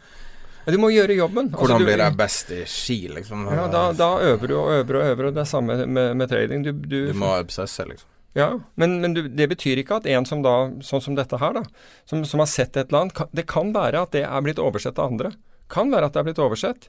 Bare husk at jeg håper å si, hva heter, inntil tre vokser i himmelen. Det vil være programmer som på en måte før eller siden fanger opp hvis det er, hvis det er noe som gjentar seg. Vi elsker ting som gjentar seg. Men er det lettere f.eks. i norske kroner, som er en vesentlig mindre La oss si norske kroner som er en valuta som basically ingen bryr seg om.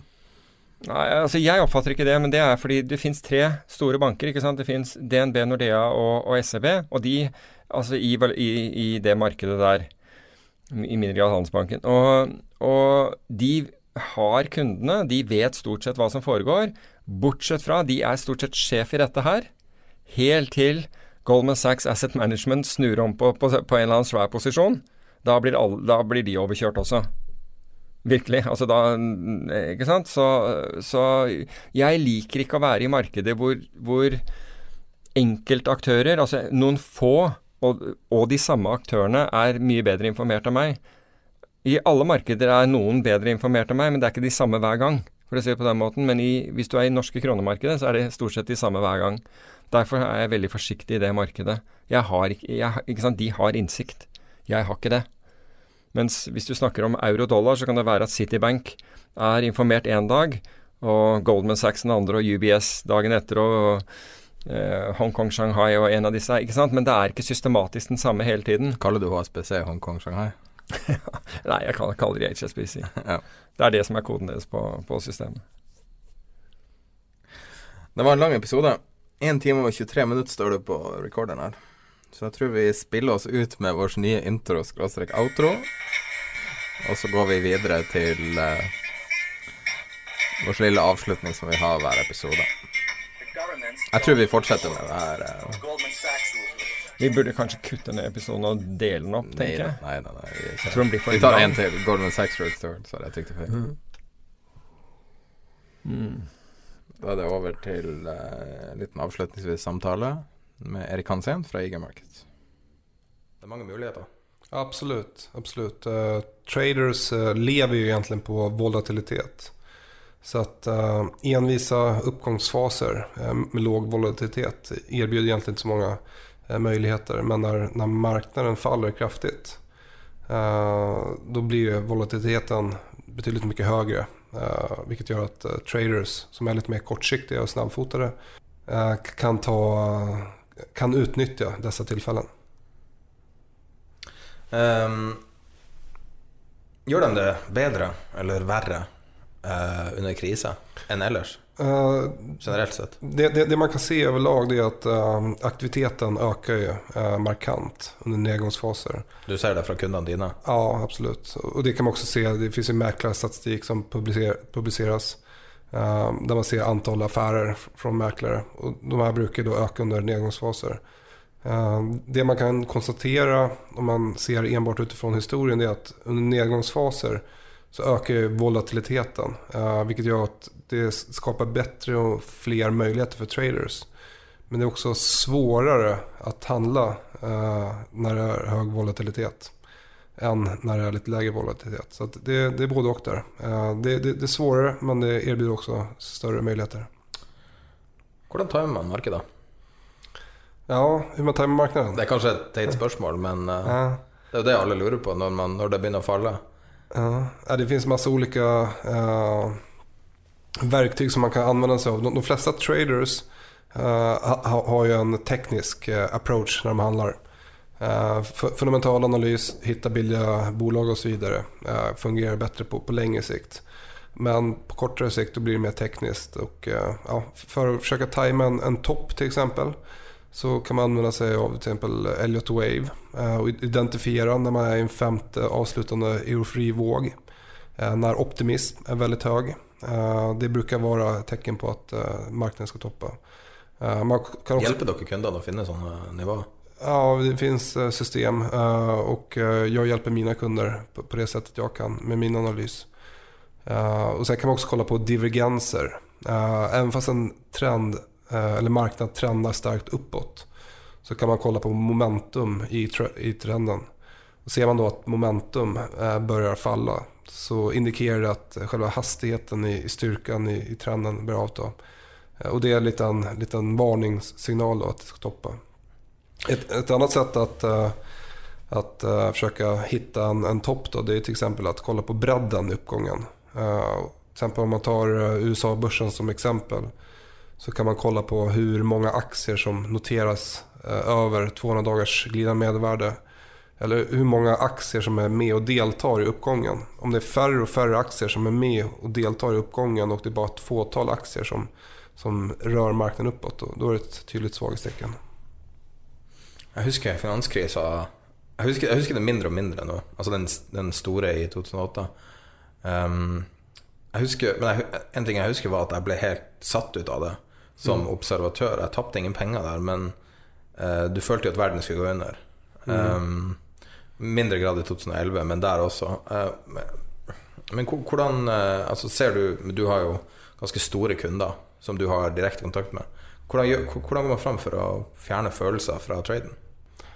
Uh, ja, jättebra fråga. Det är egentligen helt uh, omöjligt att göra. Vi, vi människor allihopa.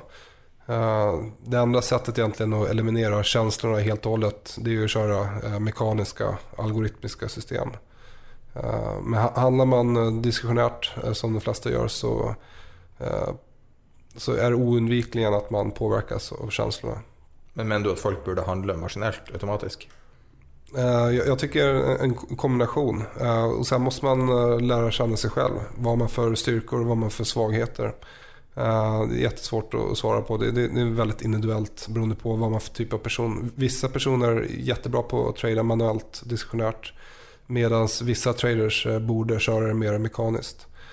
Eh, Men, kolla på finanskrisen där, det vi, tydligen, det tydligt såg eh, det var ju att vi fick den här starka eh, nedgången kraftigt. Sen då under slutet av själva nedgångsfasen så såg vi att marknaden började konsolidera och röra sig sidledes. Och det är ett tydligt tecken på att köpare och säljare börjar komma i balans. Och sen när vi bryter upp från den här bottenfas då, från den här konsolideringen. Som vi 9. mars 2000. Ja. Ni. Ja, exakt. Når vi bryter opp der, da får vi en eh, ordentlig kjøpsignal. Det så vi samme sak der etter IT-krasjen. Då. Så att, eh, Men Peter sier jo da at uh, du kan ha prisbok eh, attraktivt priser til eh, altså i årevis før det snur. Altså du, eh, hvor lenge klarer du å holde ut, så bruke liksom ett parameter er kanskje ikke så smart. Veldig mange bruker prisbok. Men eh, det du ser, er liksom mange eh, mange ledd i, i den analysen. ja, visst er det så. Uh, og det gjelder jo att eh, man lærer seg kjenne markedet. Man lærer hitta eh, mönster s- som man har vært med om tidligere. Uh, og eh, man lærer seg hvordan aktørene agerer. Mange kollar på flöden. Uh, nu med ETFer så är det jättevanligt att kolla på ETF-flöden. Eh, och även kolla på... Du som är du flow, alltså? Ja, flow. handel.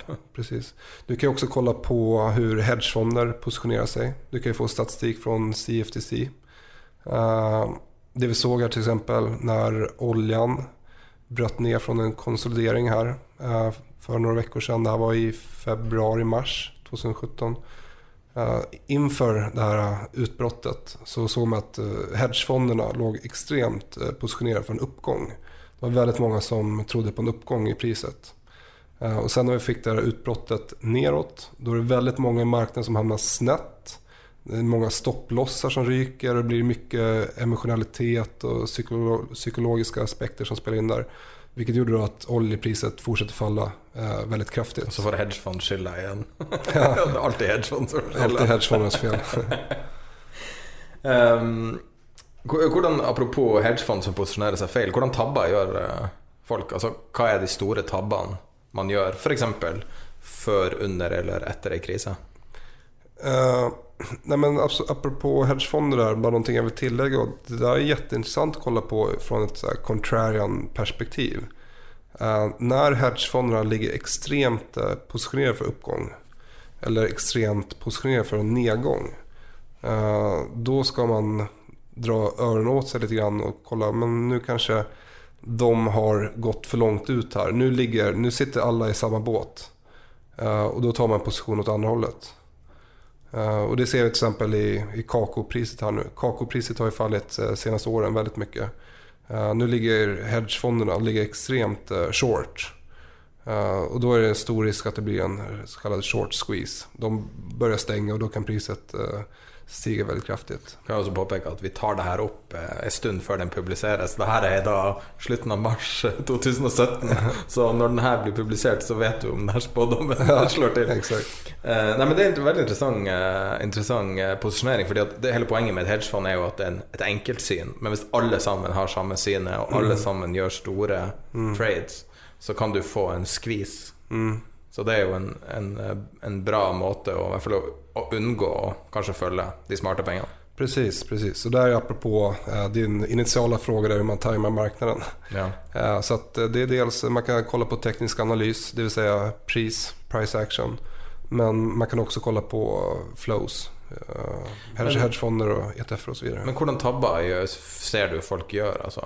Ser du noen sånne åpenbare tabber? Altså, utenom kanskje å lese i avisa en analyse og så bare gjøre det samme? Alltså, om- de, de tabbar som jag ser dagligen det är ju att folk eh, tar för stor size. Eh, Tar för stora positioner helt enkelt. Hva mener du er for stor? Kan du gi et eksempel på størrelse som er for stor? Nej, men om, om du köper ett uh, Germany 30-kontrakt, uh, tyska börsen DAX. Uh, du köper ett kontrakt, standardkontraktet. Det underliggande värde på 300 000 euro. För att köpa det kontraktet så reserverar vi ett, eh, en margin på 0,5 procent. Eh, det är 1000, ja, det är 1500 euro tror jag. Och det, 1500 euro är det enda du behöver på kontot. Eh, vilket gör att du kan ta en extremt stor position om du bara har 5000 kronor på kontot. Eh, vilket du inte ska göra, men du kan göra det. Eh, så att det är väldigt enkelt att ta för stora positioner. Så att uh, mitt tips det är ju såklart att man tar mindre size, längre avstånd till stopplossar och har lite mer pengar på kontot. Som gör att du kan vara med lite mer både på uppsidan och nedsidan när, när marknaden rör sig. Så att du inte blir utstoppad hela tiden. Så det er litt sånn gjøre det du, det du Ikke bare fordi at noe er tilgjengelig, burde du ikke gjøre det. Precis. Og, og giring kan være magisk, men det kan også være forferdelig. Precis. Og eh, det er vel, det er vel den nettopp årsaken til at mange folk har tapt penger på CFD-er, er at de bare ikke tenker. Absolutt. Og, og jeg synes det, alltid syntes det var et fantastisk instrument, eh, og veldig mange av aktørene på markedet behandler det helt feil, og behandler det som et bet. Et svært bet. Og da kan du jo tape alt. Og hvis det er et annet, altså flere selskaper som ikke closer deg når du har gått i null, og da er det jo veldig negativt. Så Precis, så är det. Så det man måste ha det är, det är först en metod, strategi som har edge. Sen måste du ha en riskhantering, riskhantering eller money management. Sen så måste du ha en eh, lite inblickar i de psykologiska och mentale mentala fallgroparna. Och sen ska du ha en handlingsplan som knyter ihop det här. Så att du kan skriva ner på ett papper eh, vilka marknader du ska handla, hur stor risk du ska ta. Ska du handla både short och long eh, och så vidare. Så att du har dina regler och så försöker du hela tiden se till så att du följer dina regler. takk til eh, Erik Hansen fra IG Markets. Tack. ACAST powers the world's best podcasts. Here's a show that we recommend. The Real Housewives is a guilty pleasure for most, but if you're looking to not feel guilty about that pleasure, tune in to Everything Iconic with me, Danny Pellegrino, where I break down all the messy moments and behind the scenes antics of Bravo's popular franchise. And on Everything Iconic, I also interview celebrity guests like Kelly Ripa, Kiki Palmer, Drew Barrymore, Cameron Diaz, and more about their guilty pleasures, their past work, and so much more. So if you're pop culture obsessed and find yourself watching way too much reality TV like me, tune in to Everything Iconic with Danny Pellegrino wherever you listen to podcasts. ACAST helps creators launch, grow, and monetize their podcasts everywhere. ACAST.com.